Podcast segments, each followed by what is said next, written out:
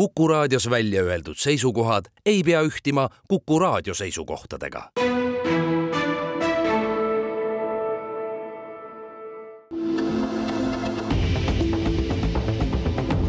kahevahel. kahevahel. tere ajakirjanikud Timo Tarve, Ainar Ruussaar alustamas igareedest vestlussaadet Kahe vahel ja meie vahel Kuku raadio otsestuudios on täna haridus- ja teadusminister Kristina Kallas, tere! tere! Kristina Kallas on pärit Ida-Virumaalt, lõpetanud Tartu Ülikooli ajaloolasena, tal on doktorikraad politoloogias, Kristina Kallas on töötanud pagulasabi MTÜ juhina, Tartu Ülikooli Narva kolledži direktorina ja on erakonna Eesti kakssada üks asutajaid ja esimene juht. hea Kristina, sel nädalal tulid uudised selle kohta, et suletavad Metsküla ja Virtsu koolid kaotasid oma esialgse õiguskaitse säilimisele, loomulikult eks see ongi dramaatiline lugu ja meedias on seda ka üsna dramaatiliselt võimendatud, räägitud õpetajatest, kes peavad otsima uut tööd, lastest, kes peavad minema mitmekümne kilomeetri kaugusele uut haridust omandama. mis on teie arvamine nüüd täitevvõimu poliitikuna ja samal ajal siis ka haridusspetsialisti, lapsevanema ja kodukohalähedase hariduse pooldajana, mida teha? No üks on see arvamus, ma arvan, et äh, nende kuueklassiliste väikeste maakoolide sulgemine ja see trend ei ole Eestis hea. Et see ei ole nagu õige suund. Ja seda on ka tänane valitsuskoalitsioon välja öelnud, et selles me oleme kokku leppinud, et äh, kodu lähedal äh, kuni kaheteistaastane laps peaks kodu lähedal ikkagi koolis käima saama ja see väike kool on temale ka sobilik kool nüüd, mis me teha saame olukorras, kus koolipidaja ei ole ju riik, eks ole, et koolipidaja on omavalitsus ja noh, piltlikult öeldes äh, olen ma täna siis olukorras, kus ma peaksin minema teisele omanikule ütlema, et sa ei tohi teha midagi oma varaga. et äh, mul, mul tõesti haridusministril täna on selline olukord, kus ta väga palju midagi teha ei saagi. Äh, mis ma nüüd olen püüdnud teha, on see, et kuna me oleme välja töötanud rahastusmudeli nende kuueklassiliste koolide jaoks, täiesti eraldi rahastusmudeli, äh, selleks, et äh, omavalitsus saaks katta ära õpetajate palgakulud nende koolide pidamisel, täna on probleemiks õpetajate palgakulude katmine väikeste koolide puhul ja kuna see noh, ajastatus on olnud natuke ebamugav, et uus valitsus tuli hiljem, kui need, kui need kooli sulgemise otsused tehti, siis ma nüüd järgmisel nädalal tahaksin ikkagi Lääneranna omavalitsusega natuke rääkida sel teemal ja saata neile ka kirja selle palvega, et kuna rahastusmudel on tulemas, kuna eraldi rahastusvõimalus on olemas, et me äkki saame ikkagi need otsused ümber vaadata Kristina Kallas, aga kuskil peab see piir ikkagi minema, noh, äh, mul puudub igasugune ülevaade, aga noh, ma lihtsalt äh, praegu fantaseerin või utreerin, et noh, kui on väike kool, äh, kuueklassiline, kus mõnes klassis käib kaks õpilast, mõnes käib kolm õpilast, kogu kooli peale on koolijuht ja veel kaks õpetajat, kes annavad kõiki aineid.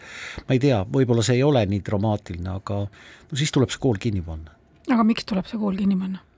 Kas on normaalne, et ka teise klassi ja neljanda klassi ja viienda klassi õpilased õpivad samal ajal erinevaid aineid ühes klassiruumis ja erinevaid aineid annab üks ja sama õpetaja? Äh, loomulikult, sellepärast et laps õpib ikkagi oma tasemel ja ega laps ei õpi siis sama asja, mida õpitakse teises klassis, kui ta ise on viienda klassi laps. et selles, kuidas need väikesed kuueklassilised maakoolid toimivad, ei ole hariduse vaatest mitte midagi erakordset ja seal ei ole ka mitte midagi hariduse vaatest halba. lapsed saavad sellises koolis väga hea hariduse, täpselt oma eakohase hariduse, meil ei ole ühtegi tõendit, mille alusel me saaksime väita, et kuueklassilises maakoolis õppinud laps ei saaks näiteks progümnaasiumis või gümnaasiumis või ülikoolis õppega hakkama hakkama, sellist väidet ei ole. kahekümne nelja lapsega, nagu täna Metsküla algkool on, väikeses majas, ehk siis neil ei ole ka seda, et nad oleksid suures tühjas majas, kus kunagi oleks olnud justkui üle saja õpilase, see on väike, väga väike maja. Äh, seal õpib kogukond sisuliselt seal taga on kogukond, kelle lapsed selles koolis õpivad, see on väga tugeva kogukonnaga kool ja, ja, ja lapsed saavad sealt hea hariduse. väga paljudele lastele selline väike kool just sobibki. kindlasti ja see ja seal... aga me peame ka neid võimalusi pakkuma neile, ehk siis, et me ei saa, mitte kuskil ei ole ka teadusuuringutes, ei ole tõestatud, et mida suurem klass ja mida suurem kool, seda parem haridus mitte kuskil sellist tõestust ei ole, ehk siis haridus ei ole seotud numbritega. et äh, numbritega on seotud kulud, aga mitte see, kas saadakse head haridust või mitte ütlesid, et haridusministril ja haridusministeeriumil ei ole väga palju hoovasid, et eh, koolipidajat ehk kohalikku omavalitsust mõjutada, no kõige suurem hoov on ikkagi raha, sest et ega kohalik omavalitsus seda raha ei maksa, vaid seda maksab ikkagi riik õpetajate palkadeks. läbi kohaliku omavalitsuse, kas see tõesti oli üks hoov ja ma tahaks tegelikult küsida, mis on need meetmed ja see eraldi rahastusmudel kuni kuueklassilistele koolidele? ja õpetaja palga maksab küll riik tõesti, aga noh, koolipidaja maksab ju koolimaja pidamise, et ja kõik väga paljud muud kaasnevad kulud, mis hariduses on, noh kas tugispetsialistide palgad, muude töötajate palgad, kes koolis töötavad, et need on nagu märkimisväärselt märkimisväärne osa omavalitsuse kuludest moodustavad tegelikult hariduskulud, sest riigipoolne panus on õpetajate palkadesse. nüüd see rahastusmudel, mis äh, praegu välja töötatud on, see on nüüd kuueklassiliste koolide jaoks selleks, et me ei maksa mitte õpilase arvude pealt, vaid me maksame klassikomplektide pealt, et kuueklassilises koolis on kuus klassikomplekti ja iga klassikomplekti ees eeldatavasti on üks õpetaja, kes peab seda klassi õpetama. me muidugi eeldame seda, et klass on minimaalselt viis last, kui on alla viie lapse, siis tehakse kliitklassid klassid, nii et need klassikomplekte arvestame siis viie lapse pealt. ja, ja maksame nii-öelda toetusena nendele omavalitsustele juurde raha selleks, et iga klassi ette saaks ikkagi täiskohaga, täispalgaga õpetaja palgata, seda, see on nagu rahastusmeede, mis toetab. ja juurde veel sellele rahastusmeetme või sellele rahale on siis äh, nii-öelda juhtimise komponent või tugispetsialisti üks täiskohaga äh, palgakoht ja investeeringumeede, et nad saaksid ikkagi ka parandada, noh, koolimaja, seal on kindlasti vaja põrandaid värvida, ma ei tea, valgustust parandada ja nii edasi, mis on investeeringud nendesse väikestesse koolidesse. see on selline rahastusmeede, toetusmeede, mis on mõeldud nende kuueklassiliste koolide jaoks, mis on pisikesed koolid, selle tõttu, et pisike kool pearaha, rahastussüsteemiga, nagu meil on, välja ei tule Lähete siis valitsuskabinetti, kordame selle üle järgmisel nädalal toetusmeetmete ettepanekuga. just, nii on. valitsuspartnerid on nõus? Äh, see on meil koalitsiooni kokkuleppes kokku lepitud, et selline rahastusmudel tuleb ja ma tõesti ei näe praegu siin põhjust, miks nad ei oleks sellega nõus kuidas need on, kas needsamad Lääneranna valla näited noh, ikkagi viitavad päris kõrvalt sellele, et meie koolivõrk tahab vist üldse suuremat ülevaatamist ja korrastamist saada käsikäes kõige muu haldusreformiga? nõus tahab ja ta on väga ebaühtlaselt praegu nagu arenenud, et on äh, noh, meil on, eks ole, kolm, ütleme nii, et kolm suuremat sellist kooliastet, kuueklassilised koolid, siis on nii-öelda progümnaasiumi osa ehk siis seitsmes kuni üheksas klass ja siis on gümnaasiumi osa. ja väga ebaühtlaselt on, on see koolivõrk nagu üle Eesti laiali, kuskil on koolid väga kaugel lastele ja need ka kodulähedased esimesed klassid on väga kaugel, sest altpoolt on kinni pandud väikeseid koole ja samal ajal hoitakse gümnaasiumi eks ole. teises kohas on gümnaasiumid väga palju kinni pandud ja mõnes kohas on lapsele ka gümnaasiumitee kujunenud nagu väga pikaks, et ka seal ei ole ta tegelikult loogiliselt arenenud. et ma olen nõus, et see koolivõrk vajab ülevaatamist, aga see, see kõige suurem raskus kogu selle asja juures ongi see, et meil on tegelikult seitsekümmend üheksa koolivõrgu pidajat, meil on seitsekümmend üheksa koolivõrku mitte üks koolivõrk üle Eesti, vaid meil on seitsekümmend üheksa koolivõrku.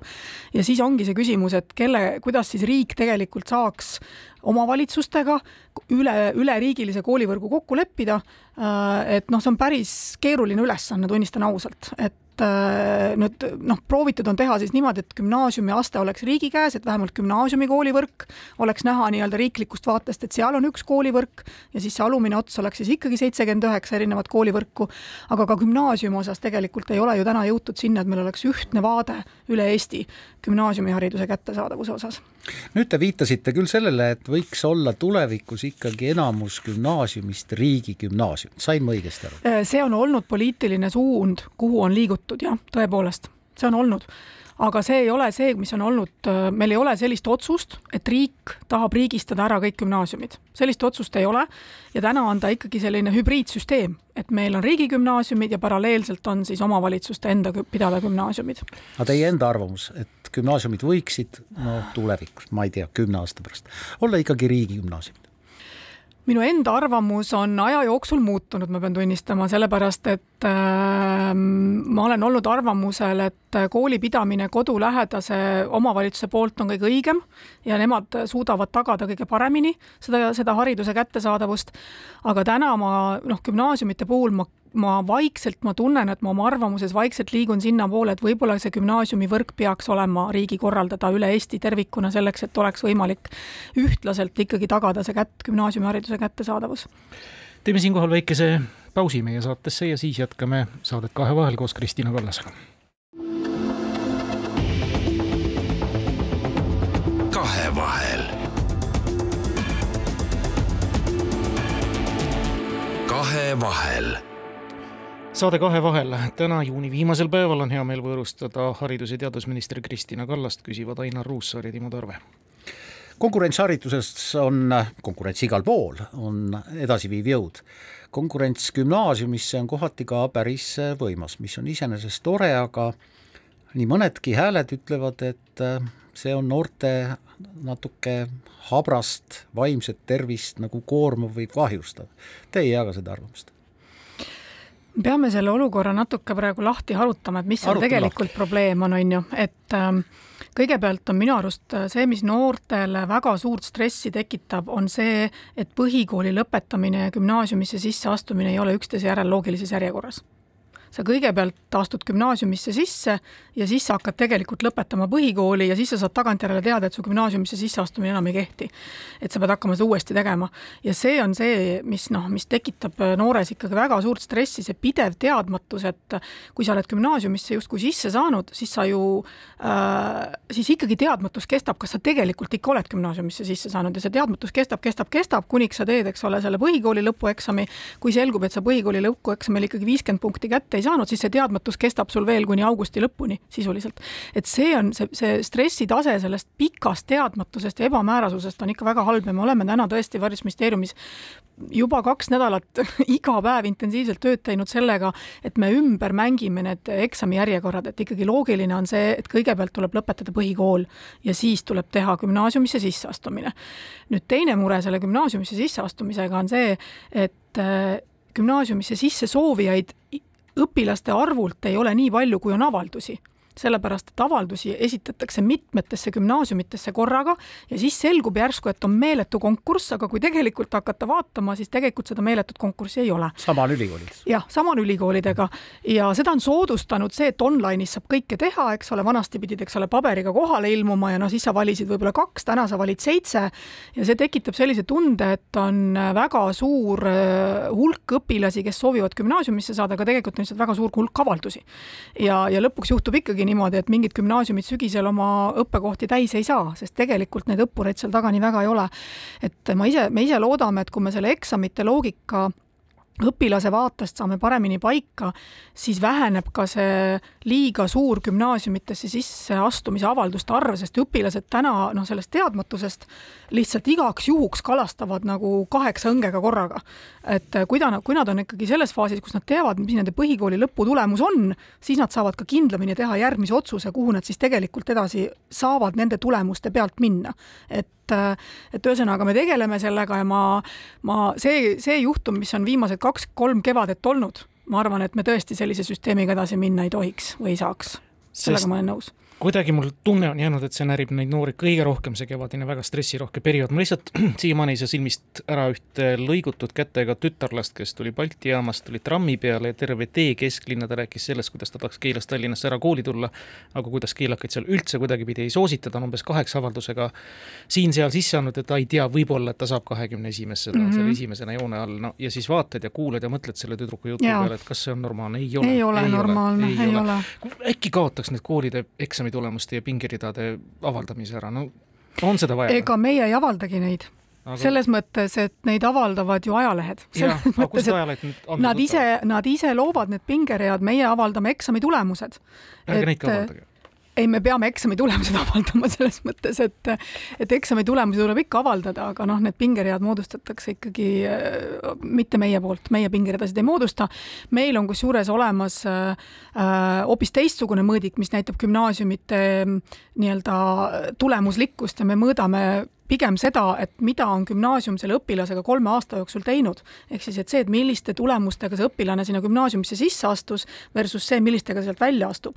sest noh, siin on gümnaasiumid väga erinevates positsioonides, mõned, mõned, eks ole, eliit, nii-öelda tugevamad eliitlinnakoolid korjavad endale konkursitega, eks ole, tugevamad õpilased ära ja siis nad ka sooritavad paremaid tulemusi, aga väga paljud gümnaasiumid võtavad ju ka neid põhikooliõpilasi, kes võib-olla ei ole sooritanud maksimumtulemuse peale matemaatikaeksamit ja noh, nende tulemused pärast gümnaasiumi lõpus on oluliselt paremad kui need, mis neil põhikooli lõpus olid. ja sellised gümnaasiumid teevad väga head tööd. meie mõõdame tegelikult sellist asja gümnaasiumite puhul nojah, vaata, Timo, e-, eks need koolid ikkagi ole ise ka, kes uhked, kes õnnetumad selle, selle pingerea üle ja noh, see see äh, rebimine konkurssidel mõne Tallinna, mulle ei meeldi see nimetus, aga nii seda kutsutakse, eliitkooli no, Tartu just. eliitkooli on päris võimas. no ja see tekitab juba tolles põlvkonnast no silmnähtavat äh, kihistumist ja päris selget eristumist, Mustamäe numbrikool versus noh, sul keegi tekliga tuleb Prantsuse lütseumist otsa, eks ole. ei muidugi tekitab, aga meie see probleem, selle probleemi mündi teine pool on nõrk kutseharidus ehk siis see, et tegelikult see tung on nii massiline sinna gümnaasiumisse, on osaliselt põhjustatud sellest, et väga suur hulk noori tegelikult peaksid või noh, öelda oleksid huvitatud õppima kutsetasandil, aga kuna seal on kutse keskhariduse õppekavade pakkumine täna ikkagi nõrgakene ja seda ma julgen küll tunnistada, sellesse ma olen praegu kaevunud, siis kui me seal saaksime ikkagi jalad alla sellega, et meil on tugevad sellised nelja-aastased rakendusgümnaasiumi õppekavad kutsehariduses,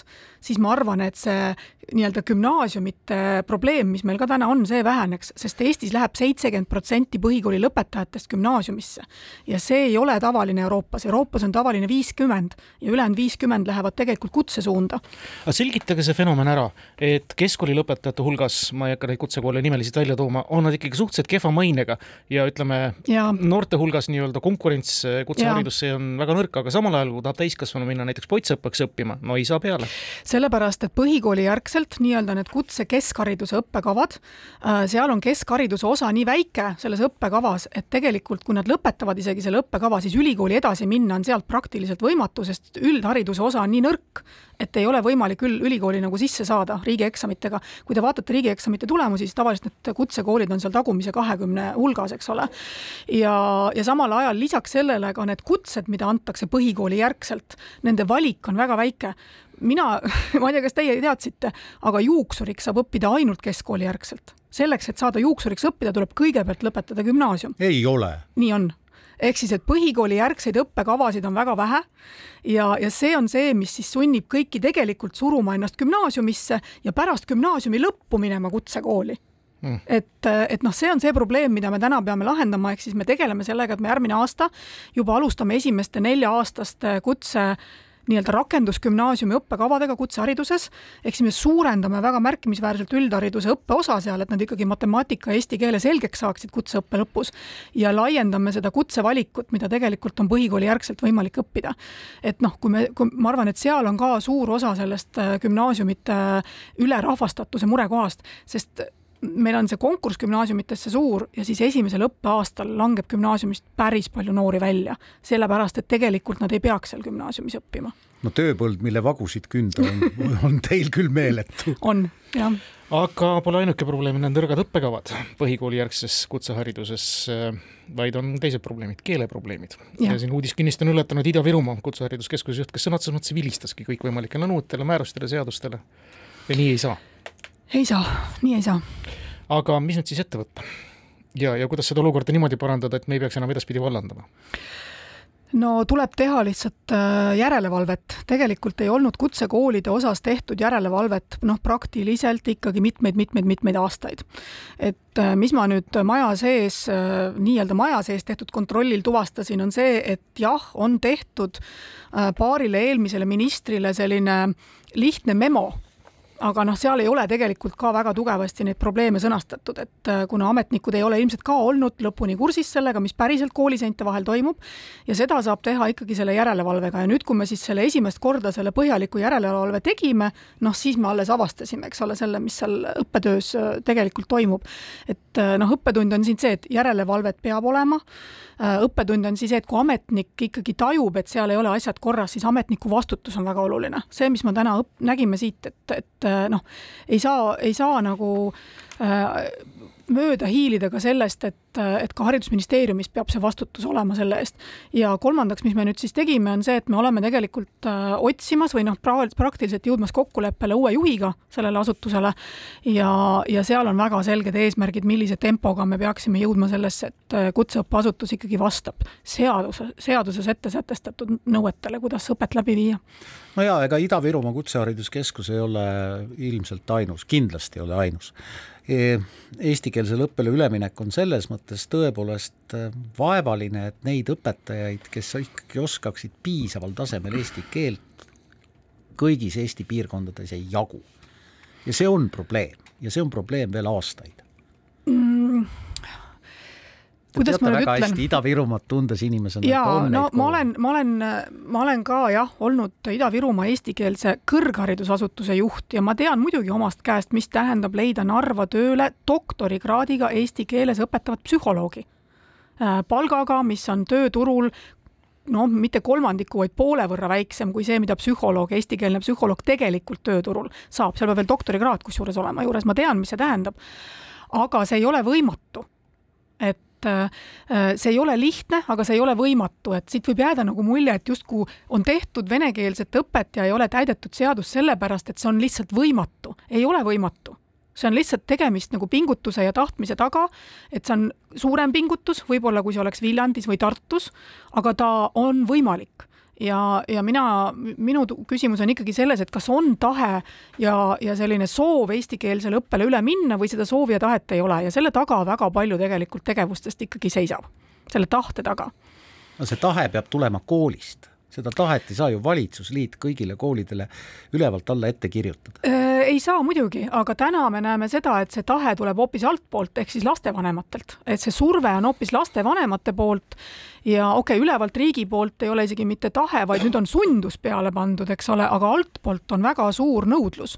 et tegelikult on see altpoolt nõudlus ka varem olnud, et ma olen seda Narva puhul ka näinud, et äh, keelekümblusklassid täitusid oluliselt kiiremini, kui täitusid vene õppekeelega klassid, ometigi toonane äh, omavalitsus, mitte tänane loomulikult, vaid toonane omavalitsus keeldus laiendamast keeleõppeklasside kättesaadavust, hoides neid vene keele õppeklasse, no siin on ka omavalitsuse vastutus olnud, pikka aega on lihtsalt vastu töötatud sellele, et äh, ka lastevanemate soovile saada eestikeelset haridust, sellele on vastu töötatud, me peame seda tunnistama ka omavalitsuse tasandil. nii et äh, aga täna ma näen seda, et esiteks on riigi poolt sundus peal, väga paljud ressur-, väga palju ressurssi on sinna suunatud, et koolid ei saa öelda, et neil ei oleks raha õpetajaid palgata, noh, seda on neile antud. ja, ja teiselt poolt on lapsevanemate surve ja nõudlus ja sealt altpoolt tulev tahe on väga suur. Kristina, ma pidingi just küsima, kas te tajute seda survet ka ühe teise erakonna poolt juhitava Tallinna ehk siis Eesti suurima omavalitsuse poolt, kes on päris avalikult ja päris deklaratiivselt noh, nii-öelda vastustanud seda eestikeelsele õppele üleminekut? Ja kas te sõna otseses mõttes tajute vastutöötamist? Äh, ei, ma ei taju vastutöötamist, ma ei taju ka seda äh, nii-öelda vastustamist, et nad nagu vastutavad, ütlevad, et, et, et nad ei lähe üle või nad ei tee seda. ma tajun natukene seda äh, tahte puudumist Äh, seda päriselt nagu ära teha, et, et ma tajun natuke seda, mida ma näen erinevate aselinnapeade sõnavõttudest ka meedias, et et leid-, otsitakse kogu aeg põhjusi, miks ei peaks eestikeelsele õppele üle minema, et noh, seda on muidugi võimalik ka teha. aga kui otsida nagu, kui mõtteharjutusena soovitada ümber mõelda, et aga otsiks vii-, viise, kuidas teha, mitte viise, kuidas ei saa teha, siis see on hoopis teistsugune lähenemine asjale. et äh, ma ei vaidle, et see ei ole lihtne töö ma ei, ma ei vaidle selle üle, see on jumala keeruline, raske ülesanne eestikeelsele õppele üle minna, eriti kui eelnevatel aastatel on nii pikalt kõik tegemata olnud. ma saan sellest aru, aga siis on täna vaja võtta see hoiak, et okei okay,, otsime lahendusi, et mida me saaksime siis antud olukorras ära teha, aga väga raske on pidada dialoogi, kui, kui hoiak on see, et et ähm, me ei otsi mitte lahendusi, vaid me otsime põhjusi, miks mitte seda teha. et see on probleem. teeme siin pausi ja siis jätkame. kahevahel. kahevahel ajakirjanikud Timo Tarve, Ainar Ruussaar jätkamas vestlussaadet Kahevahel ja meie vahel Kuku raadio otsestuudios on täna haridus- ja teadusminister Kristina Kallas. Kristina, kuidas Ukraina sõja eest siia põgenenud lapsed meie haridussüsteemis, meie koolis hakkama on saanud, on teil mingi teadmine?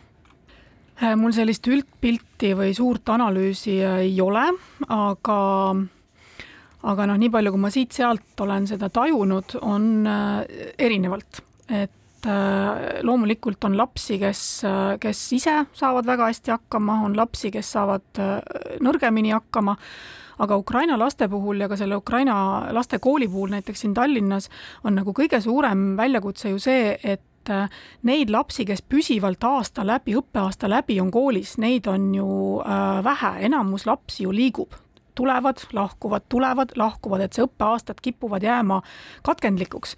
või siis nad ei tule Eestisse ja lahku Eestist või nad tulevad Ukraina distantsõppelt korraks välja, tulevad Eesti õppesse, siis ikkagi otsustatakse minna tagasi Ukraina distantsõppesse. et see pendeldamine kahe haridussüsteemi vahel ja ka kahe riigi vahel on nende puhul hästi, hästi märkimisväärne ja see mõjutab loomulikult seda nii-öelda õppes olemist ja õppes integreerimist, et ma Ukraina äh, saadikuga muuseas sellel teemal ka korra rääkisin, et Ukraina võiks anda signaali oma äh, põgenike kogukondadele väljaspool Ukrainat täna, et Eestis saadud haridus Ukraina arvestab seda, et nad ei, need lapsed ei pea paralleelselt olema, eks ole, Ukraina distantsõppesüsteemis ja siis Eesti haridussüsteemis, sest lapsevanemad hirmsasti kardavad, et kui nad nüüd Ukraina koolis ei osale, siis see Eesti kooli seitsmes klass ei lähe arvesse. et äh, meil on seal väljakutseid, mida nagu lahendada, aga ma arvan, et üldiselt äh, eeldus oli see, et kuna lapsi on palju, läheb väga raskeks, siis tegelikult ma arvan, et Eesti õpetajad ja Eesti koolid on hästi hakkama saanud Ukraina laste vastuvõtmise ja kohandamisega haridussüsteemi. seda on tore kuulda. eelmisel teisipäeval algasid kolmepoolsed kõnelused õpetajate, riigi ja ametiühingute vahel palga tõstmiseks, alampalga tõstmiseks üheteist protsendi jagu, ütlesite ausalt, et selleks raha lihtsalt ei ole ja nädal hiljem andis siis Reimo Voltri õpetajate esindusisikuna vastuse, et sel juhul hakkame streikima. seis paistab üsna hapu ja kus, mis on saanud sellest valimislubadusest, kolm tuhat eurot heale õpetajale kätte? Äh, jaa äh,, alampalga tõus üksteist protsenti äh, on siis ametiühingute soov äh,. see sisuliselt tähendaks riigile täna lisakulu noh, koos selle keskmise palga tõusuga ligi seitsekümmend seitse miljonit eurot järgmise aasta eelarvest. ja see oli minu aus vastus, et äh, nii kõrget summat meil tegelikult täna kuskilt võtta ei ole. täna meil on see teadmine, et seda raha meil ei ole, sest täna meil ei ole ka sügisest majandusprognoosi, me tegelikult ei tea, mis meie järgmise aasta majandusseis on et see, mis, mis mu teadmine täna on, see seitsekümmend seitse miljonit on, on hetkel küll riigieelarvele mõttes ikkagi väga suur summa äh, küll aga olen ma väga seda meelt ja ma lähen ka eelarve läbirääkimistele sellega, et õpetajate palk peab tõusma. kui õpetajate palk jääb tõusmata, siis me ikkagi langeme tagasi selles, mis on meile eesmärgiks võetud ka koalitsioonilepingus, et me ei saa, me ei saa jät-, jätkata nagu hariduses sedamoodi, et me õpetajad, jätame mingid aastad õpetajate palgatõusu tegemata, sest eesmärk on ikkagi see, et äh, aastaks äh, kaks tuhat kakskümmend seitse hiljemalt on õpetajate keskmine palk sada kakskümmend protsenti Eesti keskmisest palgast. me oleme kogu aeg seda eesmärki silmas pidanud Eestis selliste raskete sammudega sinna liikunud, mõnikord kaks sammu ka tagasi teinud ja see on nagu asi, mis mina arvan, et Eestis on ühiskondlik kokkulepe selleks olemas, meil on koalitsioonis selleks kokkulepe olemas ja ma lähen selle eest võitlema, et me liigume sinna suunda, et meil on nelja aasta pärast õpetaja keskmine palk sada kakskümmend protsenti Eesti keskmisest. samas on mingeid positiivseid märke siiski ka, paari päeva eest lõppenud Tartu Ülikooli sisseastumine näitab kasvavat huvi õpetajakoolituse vastu. see on juba iseenesest positiivne, aga Kristina Kallas, õpetajad ei kurda ainult palga pärast. Nad kurdavad väga selgelt ka karjäärimudeli mm -hmm, puudumisele, nad kurdavad sellest, selle üle, et noor õpetaja tuleb eh, indu täis ja kahekümne aasta pärast on ta enam mitte noor õpetaja, aga täpselt samal positsioonil, nagu ta oli kakskümmend aastat tagasi kooli tulnud täitsa nõus. kuidas seda lahendada? ja sellepärast see õpetajate palgatõus ja õpetajate palga arendam-, areng nii-öelda turul sõltub ikkagi minu arust ka sellest karjäärimudeli väljatöötamisest, et et õpetaja karjäärimudel on ülioluline selleks, et õpetaja koormus ka paika saaks ja õpetaja tööülesanded, sest täna, kui meil seda karjäärimudelit ei ole, siis õpetaja tööülesannete põld on noh, sisuliselt nii lai, et et tema tööülesannete hulka kuulub vist absoluutselt kõik, mis üldse haridussüsteemis äh, peaks tegema. kui on paigas ikkagi õpetajate rollid karjäärimudeli sees, milline õpetaja teeb millist tööd ja milline on tema nii-öelda pädevuse, kompetentsi ja tööülesannete piir, siis on ka selgem arusaam sellest koormusest ja vastutusest haridussüsteemis, et täna seda ei ole ja ma, ma olen, ma olen väga seda meelt, et õpetajate karjäärimudel tuleb välja töötada ja sellega me oleme algust teinud ja, ja, ja selle juurde tuleb ka see palgamudeli väljatöötamine. täna on meil aina suurenev ähm, kvalifikatsioonita õpetajate osakaal õpetajate hulgas. Ja see ei tähenda mitte seda, et meil on keskharidusega õpetajad, vaid meil on inimesed, kes on magistrikraadiga, kes on doktorikraadiga, kes on läinud kooli tööle, nad tahavad koolis töötada, aga neil ei ole õpetajakutset, nad ei ole läbinud, eks ole, seda õpetajakutse osa ja nad ei kavatsegi läbida, sellepärast et tegelikult karjääri mõttes ja palga mõttes koolis ei anna see talle mitte midagi ja, ja selle tõttu nagu oleks ikkagi mõistlik luua see karjäärimudel, et ka need inimesed, kes tahaksid muudelt erialadelt kooli tööle tulla, haridustasemelt vastavad ikkagi ja sobivad igati õpetajaks, pingutaksid ja teeksid ära ka selle õpetaja kutse, mis siis äh, on vajalik selleks, et õpetajaks saada, nii et äh, kindlasti on karjäärimudel väga oluline, täiesti nõus. Tallinna Ülikool alustab juba päris karjääri algusest, ehk siis stipendiumide jagamisest ja nende suurendamisest õpetajaks õppivatele õpilastele, vastu tänast kukkus tärmin nüüd klassiõpetaja ja teistele olulistele õpetaja erialadele ja tahaks väga loota, et see konkurss on seal pädev, õpilasi tuleb sealt palju peale, lõpetajaid ka, kes lähevad kooli, ehk siis millal me võiks jõuda nüüd sinna normala. Et kõik Eesti õpetajad on vähemalt kõrgema hariduse madalama, ehk siis kõrghariduse esimese astme diplomiga ja ütleme siis õpetajakutsega ka sinna otsa. no peaaegu kõik Eesti õpetajad on, et kõrgharidusega, et seal on väga vähe neid, kes tegelikult ei ole kõrgharidusega. Nende osakaal on vist, kui ma ei eksi, siis on tuhat kolmsada õpetajat, aga meil on viisteist tuhat õpetajat, eks ole, tuhat kolmsada õpetajat on siis keskharidusega, et noh, see, see osakaal on seal väike aga, aga tõepoolest on viimasel, noh, sellel aastal on see taotluste arv veel eriti suur, aga ka viimastel aastatel olen ma näinud seda, et on aina kasvanud. Tegelikult soov õpetajakutset omandama minna ja, ja ma loodan, et see trend positiivsena jätkub ja see neljasaja eurone stipendium, mille me kehtestasime nüüd õpetajakoolituse erialadel, ilmselt on ka see, mis ikkagi on hakanud soosima seda õpetajakutse valikut, nii et, et, et noh, ma arvan, et me oleme teinud õigeid otsuseid. see kõik võtab aega, et kõik ei juhtu homme, et kui homme on kellelgi vaja matemaatikaõpetajat, siis täna me tegelikult ei suuda seda probleemi kindlasti veel lahendada. aga, aga ma loodan, et pikas perspektiivis see asi läheb ikkagi paremaks. Läheme üliõpilaste juurde ka kas õppetoetuste ja õppelaenude süsteem on ajale jalga jäänud? üliõpilaste rahaline toimetulek juhul kui kodu eriti toetada ei saa, on päris keeruline.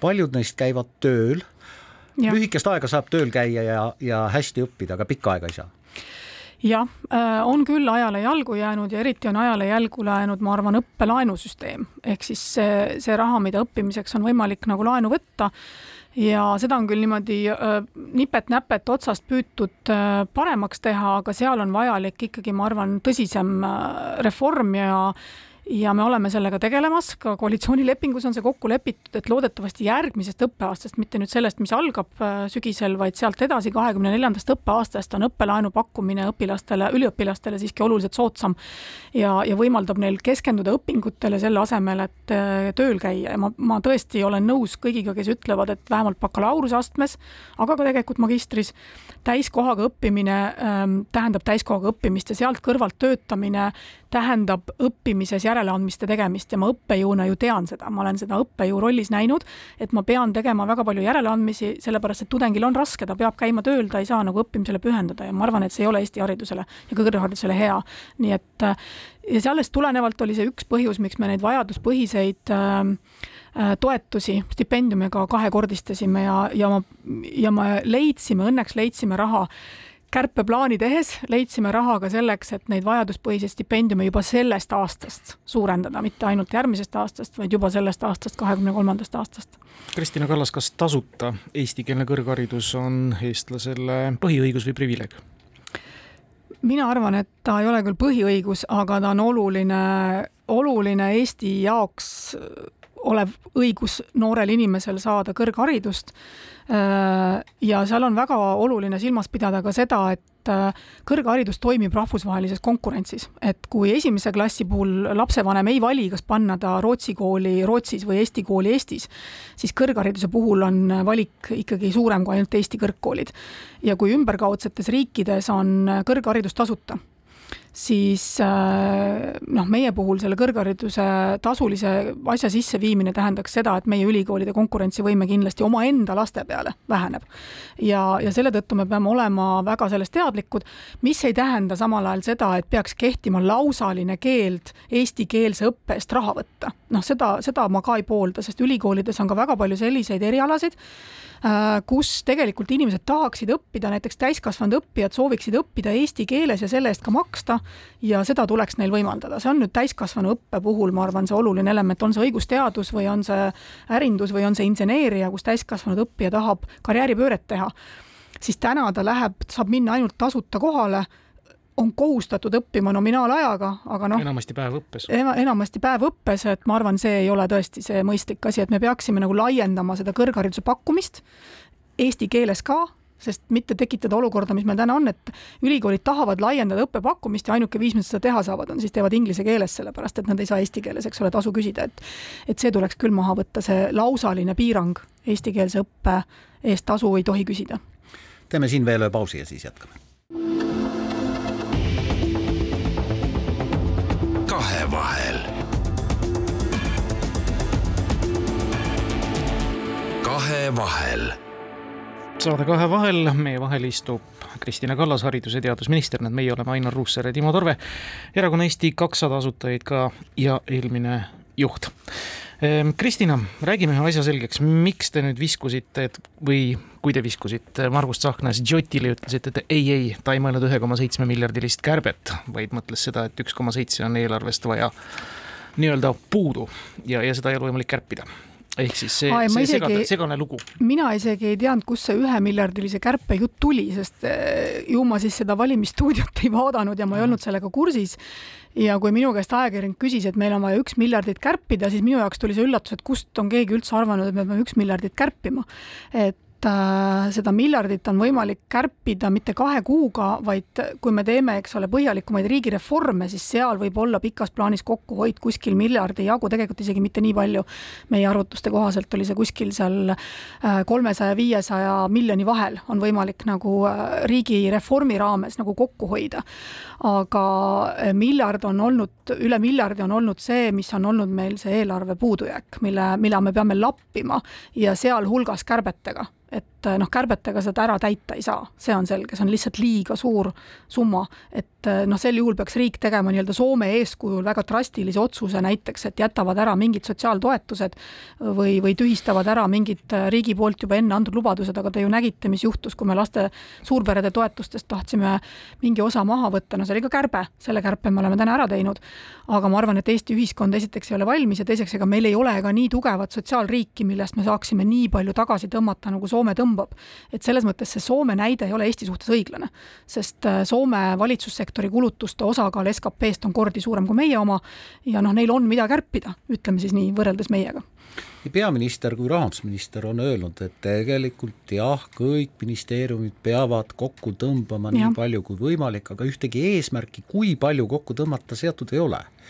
et kuidas sa siis ikkagi kokku tõmbad, kui noh, otsida kärpekohti on lihtne öelda, et et äh, see tegelikult ei tähenda midagi, kui seal ei ole arvu taga, jätame ära kaks välislähetust ja kogu lugu. Ma arvan, selliseid, ma, ma nimetan neid rehaga kärbe, kärpeks, et sa tuled rehaga ja tõmbad, eks ole, muru pealt need kolletunud lehed maha ja iga kord nad kukuvad jälle uuesti ja siis sa sügisel jälle tuled ja teed selle reha.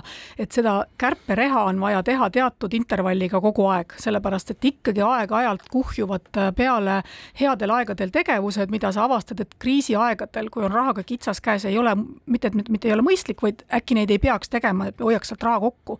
aga kuna riik toimib inertsena, et midagi on juba kunagi otsustatud, siis ta paratamatult inertselt liigub iga aasta edasi.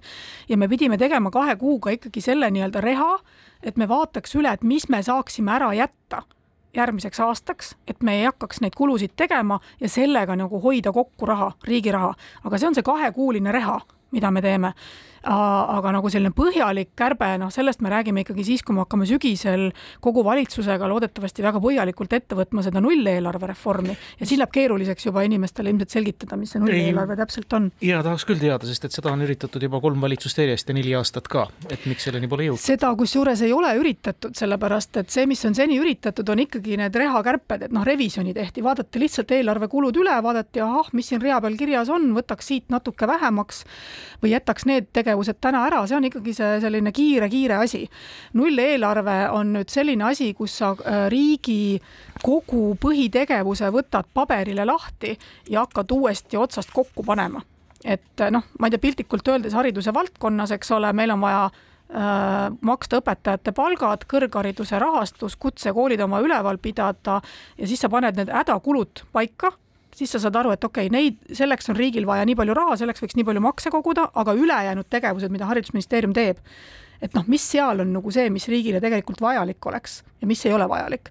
seda ei saa eelarveridu vaadates teha, see on vaja tegevustepõhine, teenuste ja tegevuste põhine analüüs, aga selleks on metoodikat vaja. Ja seda metoodikat praegu Rahandusministeerium välja töötab, sügiseks peaks ta olema meil valmis, kuidas nagu kõik asutused siis hakkavad nii-öelda oma null, nullbaasi eelarvet üles ehitama see, mida te kirjeldate, selle asja nimi on väga keeruline riigireform. on, on on, aga me oleme selles kokku leppinud, et me selle teeme. Ja see oli ka üks Eesti kahesaja põhilubadusi, et me tahame selle riigireformi ära teha selleks, et me saaksime riigi noh, riigieelarve ka korda sest seal on ikkagi väga palju asju, mis lihtsalt lumepallina aastast aastasse kuluna sisse liiguvad, millele ei ole keegi otsa vaadanud, et aga okei okay,, üheksakümne teisel aastal me nii otsustasime, aga kas aastal kaks tuhat kakskümmend neli me otsustaksime samamoodi? ilmselt ei otsustaks ja see kulu tegelikult on üleliigne selle tõttu vot see kõlab tõesti nagu üks pika plaani nii-öelda lubadus ja, ja väga Eesti kahesajalik lubadus. kuulge, aga teie erakonna toetus on pärast parlamenti pääsemist ja koalitsiooni pääsemist ikkagi üsna kivina kukkunud, viimased turu-uuringud näitasid vist kümme, no Isamaaga üsna lähedale sinna. ja väljaspoole paistavad ainult inetud sisetülid. Lauri Hussar ei ole ennast võib-olla väga võimeka juhina veel näidanud, kas te kahetsete ka, et ta talle alla jäeti? Noh, mis läinud, see läinud, et ma, ma selles mõttes ei, ei, mulle ei meeldi sinna kuhugi tagasi jälle minna midagi kaevuma, et me oleme tänases olukorras. Eesti kahesaja jaoks kolm kuud äh, Riigikogus ja parlamendis on olnud ikkagi noh, korralik ralli, et mm -hmm. ka see valitsus ei ole ju saanud, mis sajast kriitikavabast päevast me räägime, ei ole sada kriitikavabat sekundit, eks ole, saanud. ja noh, uue jõuna täiesti uute inimestena, kes ei ole varem poliitikas olnud, välja arvatud siis Liisa Pakosta ja Margus Tsahkna, eks ole, noh, see on olnud ikkagi väga väga uskumatu õppelaager meie jaoks. esimesed triibulised äh, tulid Johanna-Maria Lehtme küsimusega. ja noh, just, et äh, need tulid kusjuures väljastpoolt poliitikat, eks ole, need ei olnud kuidagi seotud meie tegevusega ega sellega, mis Riigikogus toimub. aga ka Lauri Hussaril on olnud ikkagi, ma arvan, sellist Riigikogu esimehe töö algust ei ole ikkagi mitte kellelgi olnud. see, kuidas Riigikogu alustas kohe Äh, esimesest päevast alates, esimesest tööpäevast alates, noh, sellist algust ei ole kellelgi olnud ja kui sa samal ajal tegelikult õpid seadusi tundma ja õpid seda ametit, siis on olnud ikkagi ülimalt keeruline. et väljapoole paistab seda vähe, äh, kuidas tegelikult Riigikogu saalis äh, see kahjuks, kahjuks on see Riigikogu alustanud noh, kuidas ma nüüd ütlen siis, mitte tagurpidi, aga noh, ikkagi nii suure kriisiga et nüüd on vaja ikkagi leida ja hakata kuidagi lahtu, lahti harutama seda kriisi, sest niimoodi me sügisel edasi minna ei saa Riigikogu tööga, see on selge. jah, mitmed, mitmed poliitikud, kes on olnud kolm, neli ja isegi mõned neist rohkem Riigikogu koosseisu parlamendis Toompeal, on öelnud, et jah, nemad ka ei mäleta sellist asja. ei, sellist asja ei ole olnud. aga minu küsimus, mida poliitilise kultuuriga ette võtta? käest ära on on, ei, ma olen nõus, et on käest ära, ma olen, ja olen, olen täiesti nõus, et on käest ära. ja see soov on ju olnud ka Eesti kahesajal seda poliitilist kultuuri parandada ja tähtsaks pidada.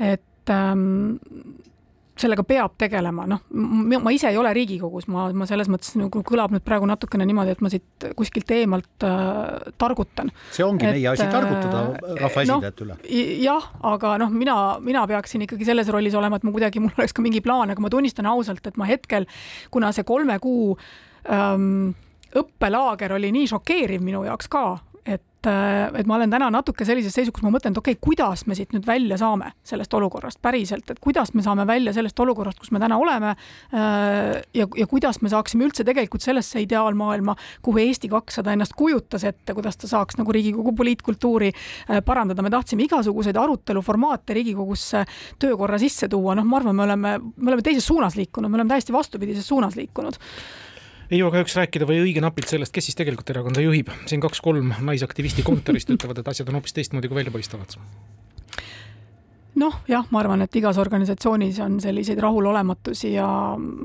eriti juhtide osas alati, alati. see on küll ilusti vastatud. aitäh, et tulite keset sooja suve saatesse Kahe vahel Kuku raadio otsestuudiosse haridus- ja teadusminister Kristina Kallas. aitäh kutsumast kahevahel. kahevahel